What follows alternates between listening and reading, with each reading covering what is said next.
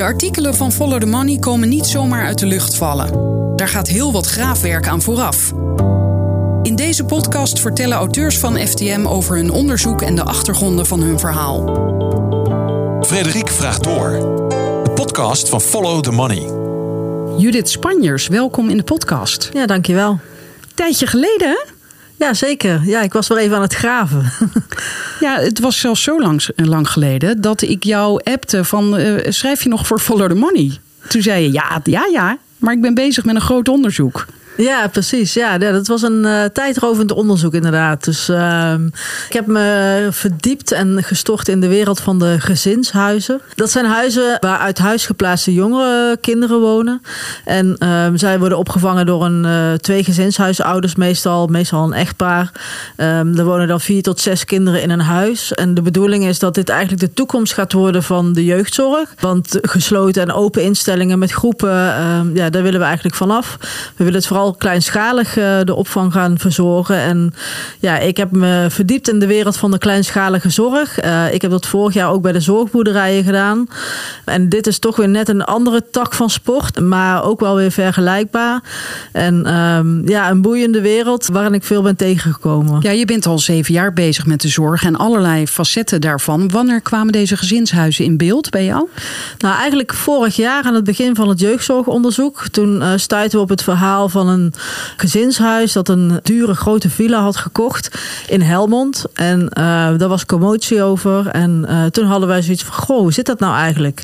Een gezinshuis. Wat is het nou eigenlijk? En waarom moeten zij zo'n duur en groot huis kopen? En kan dat niet ergens anders? Of heb je dat gewoon nodig om de kinderen op te vangen? Ja, echt zo van: wat is dit voor fenomeen? En hoe moeten we daar nou eigenlijk naar kijken? En dat was eigenlijk het uitgangspunt om het te gaan doen. Maar toen kwamen er een heleboel onderzoeken tussendoor. dus uh, dat is altijd wel andere prioriteit. En nu had ik eindelijk tijd om erin te gaan verdiepen.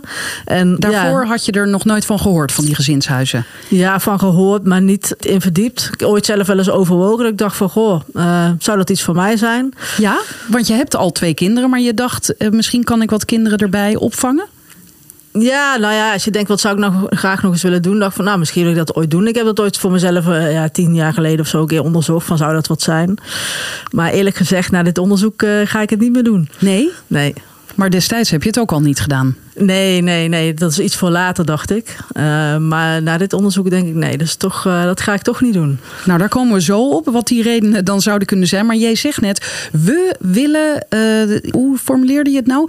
We willen toe naar kleinschalige zorg. Maar dan bedoel je de, de overheid? Ja, het kabinet. Dat heeft besloten, in 2015 is de jeugdwet gekomen. En daarbij is eigenlijk het doel zo dichtbij mogelijk, zo klein mogelijk opvang. Kleinschalig, waar kinderen zich veilig voelen. En ja, daar daarvoor uh, moet de gemeente zorgen dat, dat we niet meer ver weg op de, op de hei uh, moeten gaan zitten met een groep kinderen, maar gewoon uh, in de wijk, dicht bij school en nou ja, het gewone leven zoveel mogelijk leven. En daar is iedereen het wel over eens dat deze vorm de beste is? Uh, ja, daar zijn heel veel mensen enthousiast over. Heel veel deskundigen ook. En uh, ik denk ook dat het heel goed is om te doen. Uh, maar ja, dan moet je wel de juiste voorwaarden ook scheppen. Om dat, en, en het goede toezicht daarbij houden. Ja, je noemt precies wat kernwoorden, want dit is een serie van drie artikelen. Het eerste artikel gaat over verdienmodellen van deze gezinshuizen. Het tweede over klokkenluiders. En het derde over toezicht. Nou ja, dat is natuurlijk uh, typisch follow the money. Dan weet je al dat er iets aan de hand is. Maar nog even over dat beleid en dat idee erachter. Iedereen is het er wel zo'n zo beetje over eens dat dit de beste vorm is. Bestaan deze huizen sinds die verandering in de wet in 2015? Nee, het is zeg maar in 2008 een beetje ontstaan. Toen zijn er twee franchiseclubs eigenlijk opgestaan die dit een beetje op hebben gebouwd. In 2011 waren er nog geen 400 gezinshuizen. En inmiddels is het heel hard gegroeid. En zeker sinds 2015 ook. En nu schatten ze dat het er duizend zijn. Waar zo'n 3700 kinderen worden opgevangen. Maar ja, het is een schatting en een getal uit 2020. Want ja, niemand weet het eigenlijk precies. En dat is natuurlijk ook een manco. Want als je dit gaat doen, het is toch kwetsbaar zorg met uh, kwetsbare kinderen. Maar eigenlijk weten we niet eens wie die kinderen allemaal opvangen. Die gezinshuizen zijn gewoon niet bekend allemaal. Maar ik mag hopen dat ze per gemeente wel bekend zijn. Ja, dat zou in principe bekend zijn. Maar dan is het dus weer niet bij andere registraties bekend allemaal. Dus um, ja, we gaan ervan uit dat er nu zo'n duizend zouden zijn. Maar ben jij begonnen met een lijst maken van alle gezinshuizen die er zijn, die je kon vinden? Nou ja, ik dacht van ik wil eigenlijk gewoon een, een breed beeld van wat is het voor markt? Wat, waar hebben we mee te maken? Wat, wat voor bedrijven zijn het? En ik ben dus de dataset van jaarverantwoordingzorg.nl uh, weer ingedoken. Vorig jaar al een aantal keer gedaan. Wat is dat voor dataset? Dat is een dataset. Er staan alle bedrijven, zorgbedrijven die zich financieel moeten verantwoorden, die staan daarin. Dus dat zijn er volgens mij uit mijn hoofd volgens mij zo'n 4000. En ik heb het op het zoekwoord gezinshuizen gezocht. Want ja, ik, ik, dat is de enige manier om ze te kunnen pakken. Dus ik heb ze niet allemaal. Ik heb er zo'n 300 gedaan van de 1000 dus. Um, maar daarbij moet ik wel een kanttekening maken. Want van de 1000 gezinshuizen is iets minder dan de helft werkt in loondienst. Dus die hoeft zich ook niet te verantwoorden. En er zijn ook eenmanszaken die dat niet hoeven. Maar het komt erop neer dat je iets meer dan 500 uh, eh, zelfstandige huizen hebt, zelfstandige ondernemers. En die moeten zich verantwoorden. En daarvan heb ik het 300 uh, dus uh, bekeken. In de eerste instantie via een data-analyse. Ehm, maar ja, bij die dataset is het van belang om dieper te kijken dan alleen die cijfers. Want, wat, wat voor cijfers zijn dat? Nou, het zijn puur jaarrekeningcijfers. Dus die bedrijven, als je een jeugdzorgbedrijf bent, ben je verplicht om je te verantwoorden financieel. Dus de jaarrekening gaat naar dat bestand. Dat komt bij het ministerie uit. En daar staan dus alle winstcijfers, omzetcijfers, personeelcijfers, dat soort dingen allemaal in. En ik heb die dan vervolgens uh, geanalyseerd. Dus dan ja, de datateam van Follow the Money die kan het dan mooi samenpakken. En dan ga ik verder met de analyse daarvan. Deze jaarrekening en deze cijfers die worden, uh, moeten zorgaanbieders zelf invullen. Dus er kan nog wel eens een keer een fout in staan. Dat gebeurt regelmatig. Dus daarom doe ik alles met de hand nog een keer checken. En dan niet alle 300, maar wel de bovenkant. En, uh, de bovenkant van de meest, uh, met de meeste omzet bedoel je? Of? Ja, hoogste omzet, hoogste winst uh, die er uitspringen. Ik denk de bovenste 50 heb ik met mijn eigen ogen allemaal alle jaarrekeningen gezien. En ook de mensen even een mailtje gestuurd van dit en dit klopt niet? Of? Nou ja, ik bij een aantal Daar zie bedrijven. ik jou voor aan. Nou ja, de, waar ik over schrijf, die bedrijven die, uh, daar heb ik contact mee. Uh, of waar ik over wil schrijven of waar ik vragen over heb. Dus die benader ik dan. En dan komt er inderdaad in dit geval ook kwam er ook een keer uit dat er, dat er, dat er een verkeerd cijfer werd aangehouden. Want ja, sommige jaarrekeningen zijn gewoon eh, onduidelijk. Of dan, nou ja, in dit geval komt nooit voor. Maar nou ja, het is moeilijk uit te leggen. Maar in ieder geval, het kan soms wel eens. Daarom is die handmatige check zo belangrijk. Je kan niet zomaar een conclusie trekken uit een dataset. Dus je moet echt ja, staat er wat, er wat ik lees, dan lees ik wat er staat. En daar ben je een paar maanden mee bezig geweest? Ja, nou niet helemaal met die cijfers. Ook met algemeen onderzoek. Ook allerlei gezinshuizen gesproken. Eh, veel uh, rapporten gelezen. Deskundigen gesproken. Dus ik ben eerst eigenlijk een veldonderzoek gaan doen en een cijferonderzoek. Om te kijken, wat, wat zijn nu, nu de angels die er leven? Wat, wat, waar gaat het eigenlijk om in deze Dus het had branche? ook gekund dat je uh, gewoon een beeld had kunnen schetsen van deze markt. Uh, en daarachter was gekomen dat er geen probleem zijn? Uh, ja, dat kan. Maar mijn ervaring is dat je altijd wel een probleem tegenkomt. Dus uh, nou ja, wat, wat, wel duidelijk is, dat uh, het, het uitgangspunt was de vraag: hoe kunnen deze gezinshuizen in zo'n dure woning zitten? En is dat nodig? En toen ben ik dus gaan kijken naar die huisvestingskosten. Dat was eigenlijk mijn doel. Van nou, dan kunnen we daar een mooie conclusie uit trekken. Maar ja, die huisvesting wordt op elk bedrijf heel anders geregeld, anders gefinancierd. Um, ja, eigenlijk kun je er geen chocola van maken om daar echt een goede vergelijking in te maken. Uh, want de ene heeft een huis al twintig jaar geleden gekocht en heeft maar een hele lage huur. En de andere heeft meerdere panden gekocht. Want ik neem aan dat er ook gezinnen zijn die al lang ergens wonen en daar die kinderen gaan opvangen. Ja, ja, dat verschilt dus heel erg. Elk huis is eigenlijk, moet je aan zich bekijken, omdat elk huis het anders kan doen en anders kan regelen. Uh, dus dan heb je met hele andere kosten te maken. En nou ja, dus daardoor kan het nogal verschillen. Wat voor soort mensen zijn dit eigenlijk die kinderen opvangen in een gezinshuis? Kan je daar, is daar iets algemeens over te zeggen? Ik neem aan mensen met een groot hart, sowieso.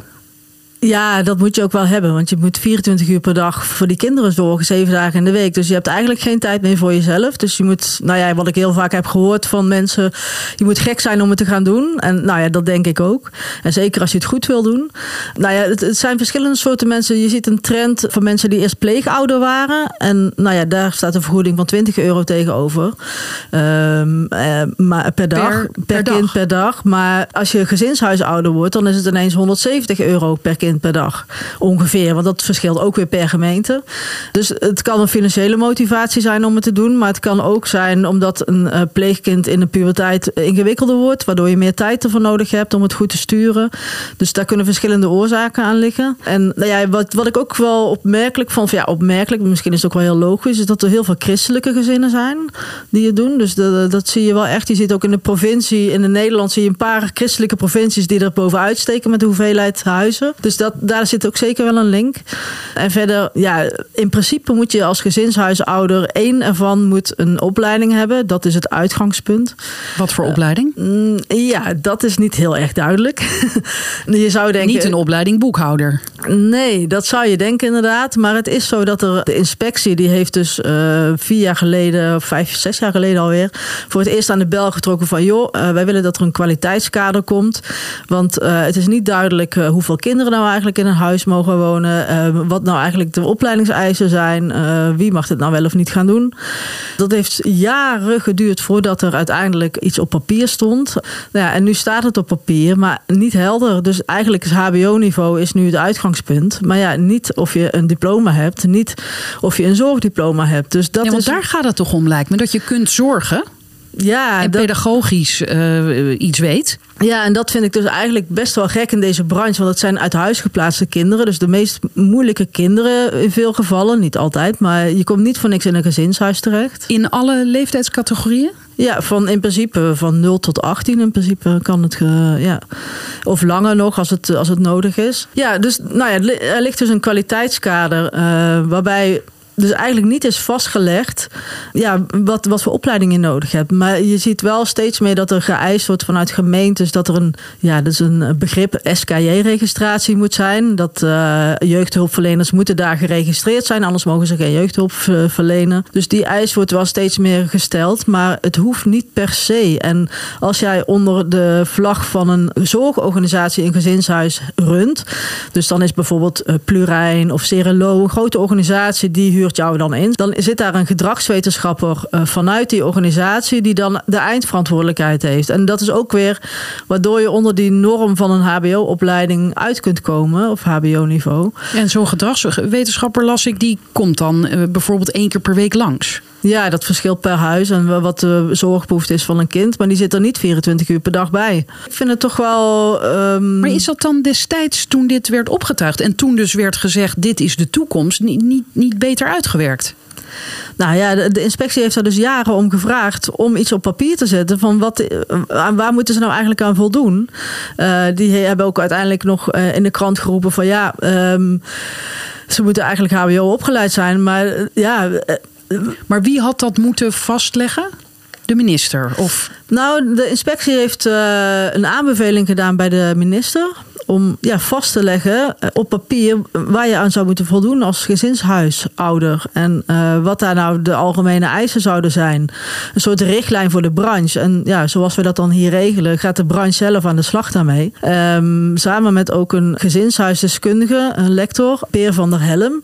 Die heeft bij het opstellen van die criteria gezeten. En nou ja, hij, als hij terugblikt, zegt hij van ja, die eisen zijn gewoon uh, niet scherp en, en niet vast. Want, dus dat uh, heeft hij destijds zelf ook niet goed gedaan? Ja, hij wilde wel, maar het ministerie en, uh, en, de, en de gezinshuissector zelf, die uh, wilden geen strakke richtlijnen hebben, want dan hebben ze meer vrijheid. Ja, dat en is wat wel... zagen ze daar dan voor voordeel in? Ja, die vrijheid. Want ja, gezinshuis.com, dat is de franchise-organisatie, die zegt dan van ja, uh, want in de kwaliteitscriteria staat dan vier tot zes kinderen in een huis, maximaal zes dan eigenlijk, maar uh, pas toe en leg uit, dus het kan ook meer zijn. En zij zeggen ja, als het in een gezinshuis tien kinderen passen, wij vinden dat passend op, in die situatie, dan moet dat ook kunnen. En Peer van der Helm zegt van nou, ik vind gewoon maximaal zes en er moet gewoon ook goed geschoold personeel, dus ik wil ook dat er een, ja, echt een eis voor HBO-zorgopleiding uh, erbij zit. En maximaal zes, is dat dan bovenop de kinderen die die gezinnen misschien al hebben? Ja, en dat verschilt ook weer per organisatie wat de eisen en per gemeente wat de eisen daarvoor zijn. Dus ja, dat hangt ook weer van, van allerlei situaties af en hoe zwaar een kind is qua zorg, wat hoeveel die nodig heeft. Want als je twee hele heftige kinderen hebt, dan moet je er geen zes in een huis zetten. Dus ja, daar moet je dan allemaal naar kijken. Maar Peer van der Helm, die deskundige, zegt dus van ja, eh, maximaal zes, hoe dan ook. En ja, je ziet in dit onderzoek, en dat is wel echt, vind ik, een duidelijke trend naar de toekomst is dat die uh, grenzen vervagen. Er worden gewoon enorme ondernemingen opgesteld met meerdere gezinshuizen, met personeel dat in huis loopt. Um, en dan is uiteindelijk de vraag: is het nog een gezinshuis? Want wij wilden juist kleinschalige zorg in een gezin, zodat het een gewone gezinssituatie is. Maar je merkt dat uh, de ondernemende gezinshuisenouders... die uh, breiden hun uh, onderneming gewoon verder uit... en zetten daar ja, ook goedkoop personeel in... dat net afgestudeerd is of nog stage loopt. Ja, en dan is de vraag van... ja, is dat wat we nu eigenlijk willen? En voldoet dat aan de eisen zoals we die zouden willen stellen? Ja, dan komen we misschien terug op dat voorbeeld wat je in het begin noemde. En waar je ook een van je stukken mee begint.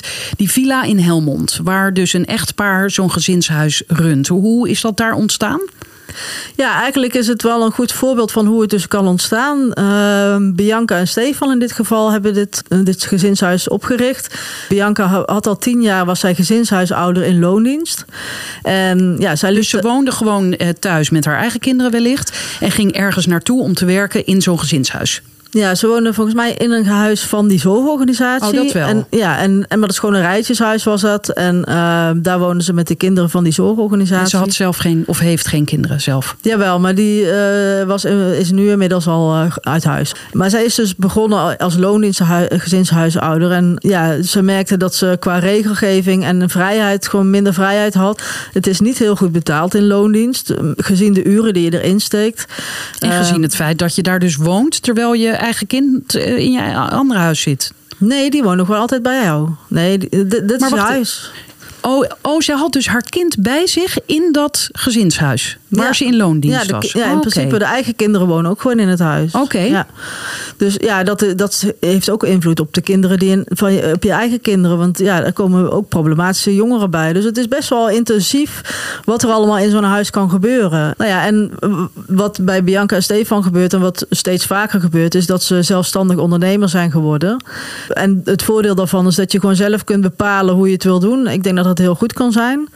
Maar ja, aan de andere kant zitten er ook weer nadelen aan. Uh, waaronder het toezicht daarop. Nou, ze besloten dus om uh, voor zichzelf te beginnen. En nou ja, wat ze moesten doen is op zoek naar een huis. Want ze hadden gewoon een, een, een rijtjeshuis. En ja, zij wilden zes kinderen op gaan vangen. En ja, dat paste niet.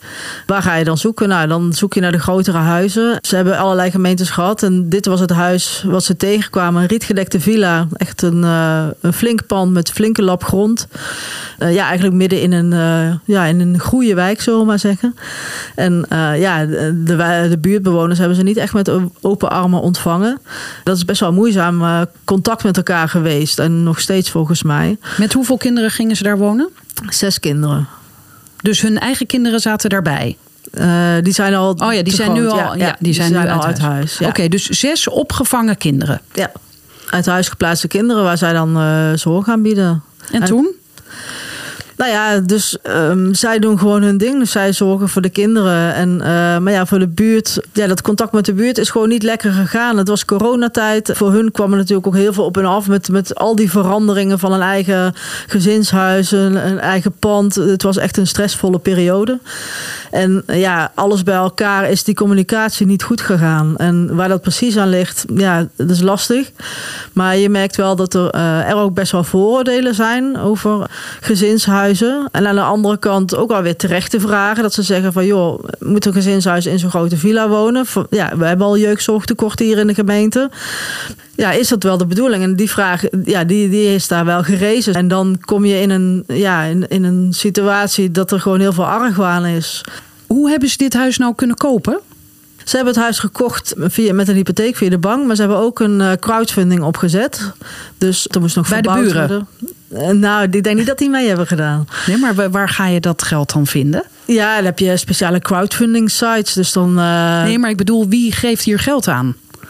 Ja, dat kunnen jij en ik ook zijn. Iedereen kan crowdfunding. Ja, er zijn crowdfunding sites. En dan, kun je, dan kan iedereen investeren die, die wil, hoeveel die wil. Uiteindelijk hebben ze daar 140.000 euro van bij elkaar eh, verzameld. En ja, voor de verbouwing en voor een deel van de aankoop van het huis en voor de interieur. Maar ze, hebben, ze zijn, hebben ook gewoon heel. Het is geen super luxe huis. Ze hebben heel veel van Marktplaats eh, gekocht, want ze zijn eigenlijk heel zuinig. Dus, maar ja, ze wilden wel graag die ruimte voor die kinderen hebben. En, ehm, Maar nou ja. dit is nog steeds gewoon gaande. De buren zijn niet heel blij, maar zij zijn daar gewoon. En ze zullen met elkaar verder moeten leven. Ja, maar de buren gaan nog wel eh, richting de Raad van State om het toch verder aan te kaarten. Want ze vinden dat de gemeente Helmond ook heeft gefaald. Want eh, de vergunningen waren niet op orde, die zijn daarna gedoogd. Nou ja, je weet hoe dat gaat. En nou ja, de buurt vindt dat gewoon niet goed, hoe dat is verlopen. En eh, voelen zich ook niet gehoord. Ja, dat is vooral denk ik het probleem ook. Maar dit klinkt niet als een probleem op gebied van de zorg. Of op het gebied van het gezinshuis zelf. Dit is meer een omgevingsprobleem. Ja, dat, bij gezinshuis heb je zoveel facetten die een rol kunnen spelen. Dat, ja, eh, je hebt met allerlei facetten te maken. Je hebt eh, met de buurt te maken, je hebt met eh, de voogdij te maken, je hebt met ouders te maken. Het is een heel spanningsveld waar je eigenlijk in zit. Daar Maar- moet je mee dealen. Maar zij staan in jouw eerste stuk. En dat eerste stuk gaat over het verdienmodel van gezinshuizen. Ik kan me ook voorstellen dat die buren denken dat zij heel rijk worden hiervan. Ja, dat, dat denken ze en dat denken veel mensen. En Maar dat is, dat ook zo? Nou ja, dat heb ik dus onder- onderzocht. dat was het aanknopingspunt om ja, te zeggen van nou, hoe zit het nou? Is het nou echt dat, we, dat ze gewoon rijk worden van de kinderen of eh, hoe zit het nu? Nou ja, en dat was een- lastig onderzoek omdat eh, net als bij de zorgboerderij heb je te maken met vastgoed. En dus eh, super zuivere cijfers van echte, wat ze echt verdienen uiteindelijk. Ja, dat is gewoon echt heel moeilijk te maken. Dat zou je één op één allemaal moeten gaan becijferen. Dus dat heb ik niet gedaan. Globaal gezien kun je zeggen dat er heel veel geld ook aan vastgoed eh, kwijt is. Verbouwingen, maar ook eh, hypotheek en al dat soort dingen. Wat er dan overblijft, wat uit dit onderzoek kwam, was dat een derde van de gezinshuizen verdient meer dan de norm die Jeugdzorg Nederland en eh, Vereniging Nederlandse Gemeenten hebben gesteld. Dus eh, het gaat heel, heel veel om VOF's. Dus in dit geval gaat het dus om VOF's. Ehm, In plaats van BV's bedoel je? ja, want BV, BV's is de berekening weer anders. Dan moet je weer anders kijken. Want ehm, ja, moet ik dat helemaal uitleggen? Nee, nee. maar ehm, Laat maar. het is, eh, nou ja, en zo ingewikkeld was het dus. Omdat je, je hebt met verschillende rechtsvormen te maken, waardoor je anders naar de winst moet kijken. En eh, de gezinshuizen stonden een half jaar geleden heel, in een heel slecht daglicht, omdat het Binnenlands Bestuur een niet zo goed onderzoek had gedaan. eh, waardoor het leek alsof ze mega winsten maakten. Nou ja, dat is het echt wel anders. Er zijn gezinshuizen waar gewoon echt heel veel verdiend wordt. En, eh, Is dat hier in Helmond ook het geval? nou, nog niet, omdat zij vooral heel veel vastgoedkosten ook nog hebben. Dus dat is nog niet heel goed te zeggen. Dus zij zaten vrij laag eigenlijk in hun verdiensten. Dus dat zal in de toekomst moeten blijken hoe dat eh, verder uit gaat werken. Ehm, ja, het pand is uiteindelijk, als ze dat afbetalen, is dat ook van hen. Dus dat is dan ook een verdienste. Ja, die verdiensten heb ik niet meegerekend. Los van dit vastgoed hebben ze in Helmond eh, bij de- deze situatie hebben zij eh, zo'n 80.000 euro voor twee personen overgehouden. Dus dat is ook hun loon. Dus dat is niet echt extreem. En als je dat vergelijkt met de norm die Jeugdzorg Nederland dan stelt, dat is 144.000 euro voor twee personen per jaar. Ja, daar gaan nog, nog eh, belasting en dat soort dingen af. Dus de, maar dat is de norm die wordt aangehouden. Daar zitten zij dus ver onder. Ja, daar zitten zij ver onder. En een derde van de 261 VOF's, eh, die rechtsvorm is eh, van eh, gezinshuis, die komen daar dus boven. Nu weten we wat een gezinshuis is, hoe, die, hoe dat ooit ontstaan is, dat dit de toekomst is, dat er steeds meer worden, hoe dat dan in elkaar zit, wie dat doen en wat er dan financieel ongeveer, hè, dat hebben we nu een beeld van. Een van jouw andere artikelen gaat over een heel ander gezinshuis in Hoorn. Waar het eh, niet zo lekker is gelopen. En dan druk ik me, geloof ik, nog zacht uit. Hoe kwam jij aan die informatie? Ja, ik kreeg een klokkenluider meldde zich bij mij eh, met het verhaal over gezinshuis Villa Maria. Eh, zij zaten eerst in Den Helder en zijn daarna naar Horen verhuisd. Ik hoorde dat verhaal. Ik ben in contact gekomen uiteindelijk met 19 eh, personen. Een groot deel anoniem, maar een aantal ook met naam. Ik heb ze allemaal gesproken natuurlijk. Ik weet wie het zijn. En wat voor verhaal hoorde je? Ja, best wel een schokkend verhaal. Vooral van de kinderen die daar ongeveer 14 jaar waren, 14 tot 16 jaar. En ja, ja, zij hebben daar echt wel schade opgelopen in, in, in, ja, in het vertrouwen in de zorg ook. En uh, zij voelen zich absoluut niet gehoord. Ja, zij voelden zich daar gewoon niet veilig eigenlijk. En, Waar kwam dat door? Nou ja, dan, er was een meisje die ging zelfs gewoon vrijwillig. Want je kunt ook vrijwillig in jeugdzorg. Die, op dat moment was het beter voor haar om even uit huis te zijn. Ja, dat was, ze komen dan natuurlijk uit een rumoerige tijd komen ze daar aan. Hè? Dus ja, dat kun je je niet voorstellen misschien. Maar dan is er heel veel ruzie of geweld in een gezin. En dan hebben ze een rustige plek nodig.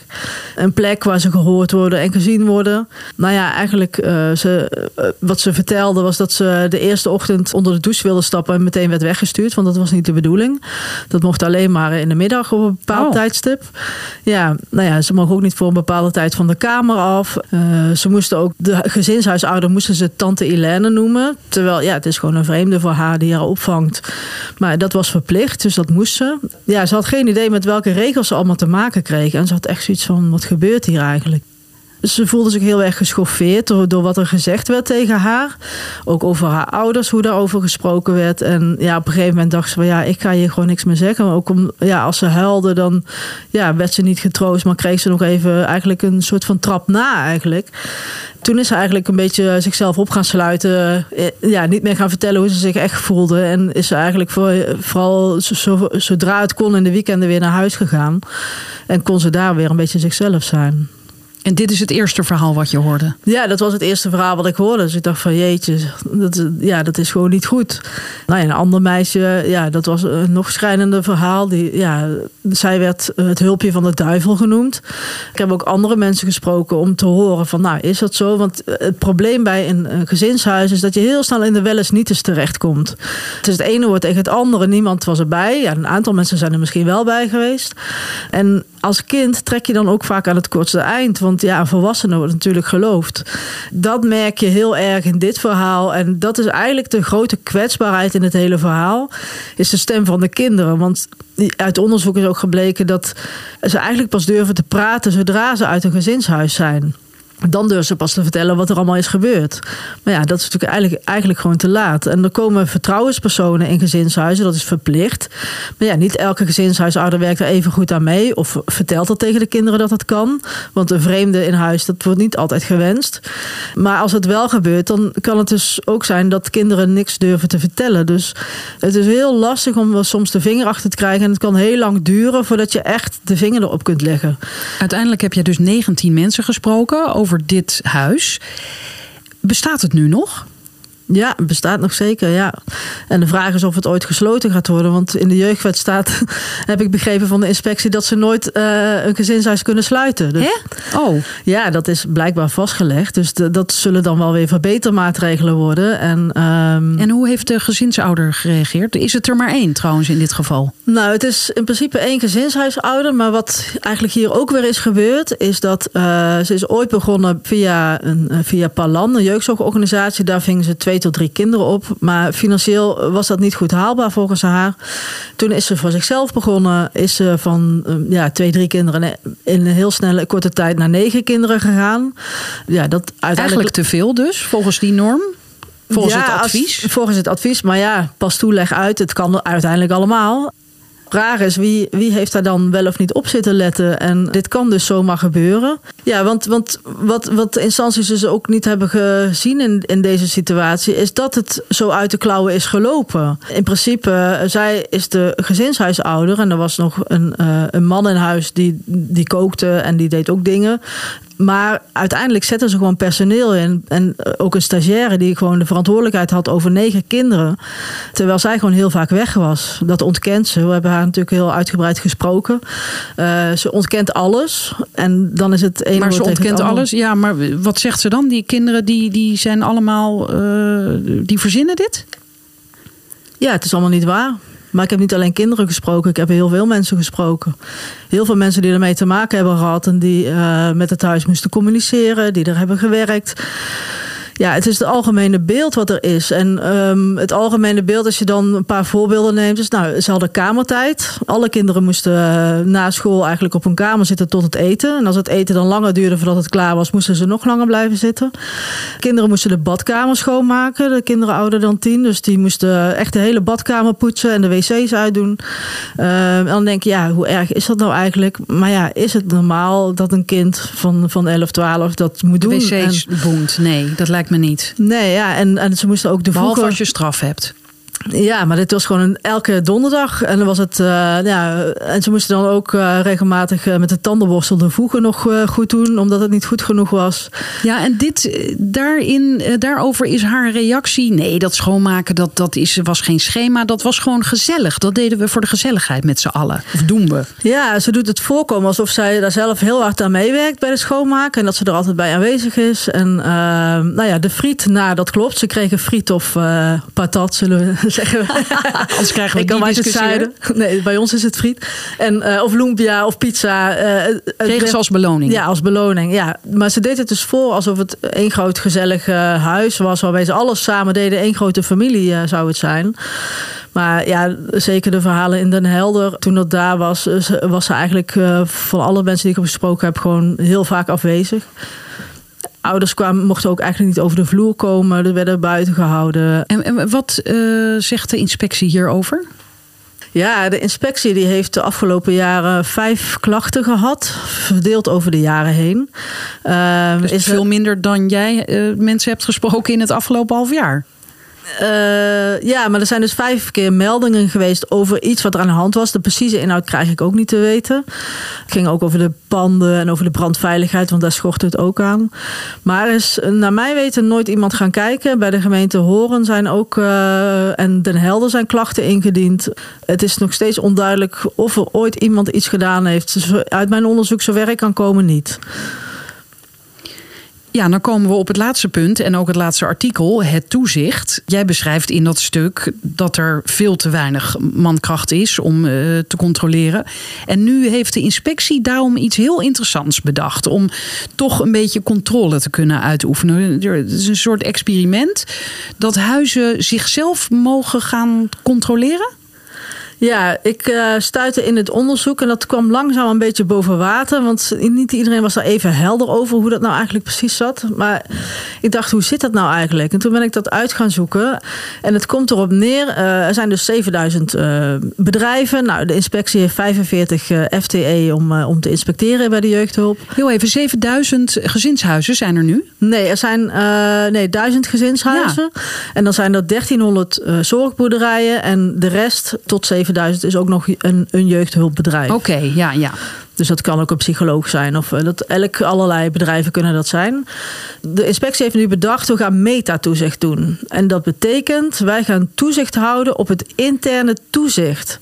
En als ik dat er simpel uitleg, bij de gezinshuizen heb je twee grote franchise-organisaties. Daar zitten ongeveer 300 huizen zijn daarbij aangesloten. Dus denkt de inspectie, nou, als, ik die, als wij die 300 niet zelf hoeven te doen, dan kunnen wij de rest doen. Want wij kunnen dat allemaal niet. Nou ja, dus dan zijn drie stromen, heet die organisatie, en gezinshuis.com. Uh, die hebben dus de verantwoordelijkheid gekregen om hun interne toezicht op te tuigen, zodat dat genoeg waarborgen zal bieden, zodat er geen misstanden komen of dat ze zelf dan ook aanspreken, de huizen, op als er iets misgaat.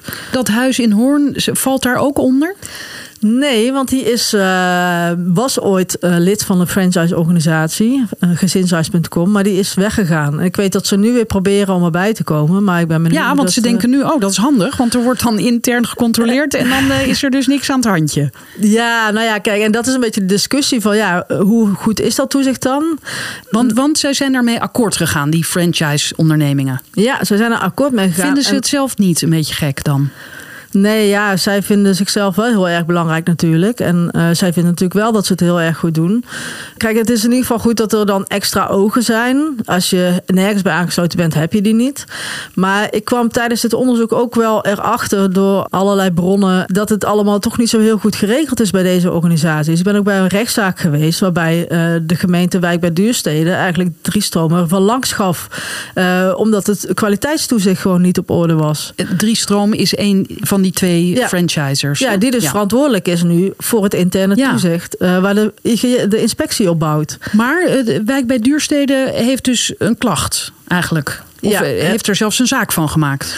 Ja, er was een gezinshuis dat eh, volgens de gemeente Wijk bij Duurstede en Driestroom eh gefraudeerd zou hebben. Eh, ze had zich, de gezinshuisouder had zich ook voorgedaan als orthopedagoog, terwijl ze dat niet was. Daar ging de hele rechtszaak over. Nou, wie is er dan uiteindelijk verantwoordelijk daarvoor? Want eh, ja, een franchiseorganisatie had dat kunnen weten, zou je denken. Want ja, ze zijn erbij aangesloten en zij hebben daar gesprekken. Zij Ja, laat toetsen. dat diploma maar even zien dan. Ja, en, eh, maar Driestroom wist dat dus ook niet. Dus, en, het is een, eh, en dat, die rechtszaak maakte maar heel erg duidelijk van... Ja, zelfs als je er bovenop zit, heb je dus geen zicht op wat er gebeurt. Of geen eerlijk zicht op wat er gebeurt. Want je moet dan vertrouwen op wat die gezinshuisouder jou vertelt.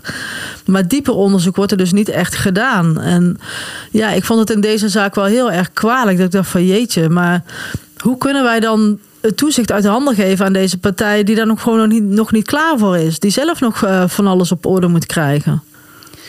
Is dit meta-toezicht tijdelijk omdat er nu onvoldoende mensen zijn? En is wel het idee van nee, we willen uiteindelijk dat toezicht weer zelf doen? Of, of is, zijn, is eh, de inspectie hier zelf wel blij mee? Ja, de inspecties. Ja, het is sowieso een pilot. Dus ze hebben ook gezegd van ja, misschien hebben we er maar een beetje aan. Dan is het ook al goed, want alle beetjes helpen. Eh, dus het is nog niet duidelijk eh, of dit definitief zal gaan worden. Maar ja, ik denk toch wel een beetje dat ze die koers zullen gaan varen. En de inspectie zegt ook van ja, nee, maar wij doen zelf het onderzoek uiteindelijk. En, maar ja, het is ook duidelijk dat Driestroom heeft gezegd van ja, ze komen een jaar lang nauwelijks eigenlijk nog bij ons langs, want ze vertrouwen op ons er, er wordt gewoon uitgegaan dat het, ervan uitgegaan dat het interne toezicht gewoon op orde is. Ja, die proef zal al duidelijk maken, moeten duidelijk maken hoe dat gaat werken. En er zijn ook twee boerenorganisaties die hierbij zijn betrokken. Boerenorganisaties? Ja, die, eh, nou ja, dat is ook kleinschalige zorg. Dus eh, die hebben weer- Zorgboerderijen. zorgboerderijen hebben die onder zich. Nou ja, uit mijn onderzoek eh, naar zorgboerderijen vorig jaar, nou vond ik het interne toezicht ook niet heel erg sterk. Eh, er wordt niet deze jaarrekening bekeken. Ze zeggen daar dat gaan we niet over. En gezinshuis.com gaat ook niet over de kwaliteit van de zorg. Dat hebben ze ook duidelijk gezegd. Dus ja, wat, wie controleert nou eigenlijk wat en wat gaat dat opleveren? Ehm, ja, het is voor mij een grote vraag. Ja, ik denk dat het een soort wensdenken is. Ik, ik vind het eh, op dit moment, ja, vraag ik me af of dat de juiste keuze is. En aan de andere kant moet je ook afvragen hoe gaan wij die 7000 bedrijven controleren? Want dat is ook eigenlijk gewoon niet te doen. Dankjewel Judith. Ja, graag gedaan. Nou, je hoort het. Dit soort onderzoek vergt veel geduld en tijd. En tijd is geld. De leden van Follow the Money betalen dit. Ook lid worden? Ga naar ftm.nl.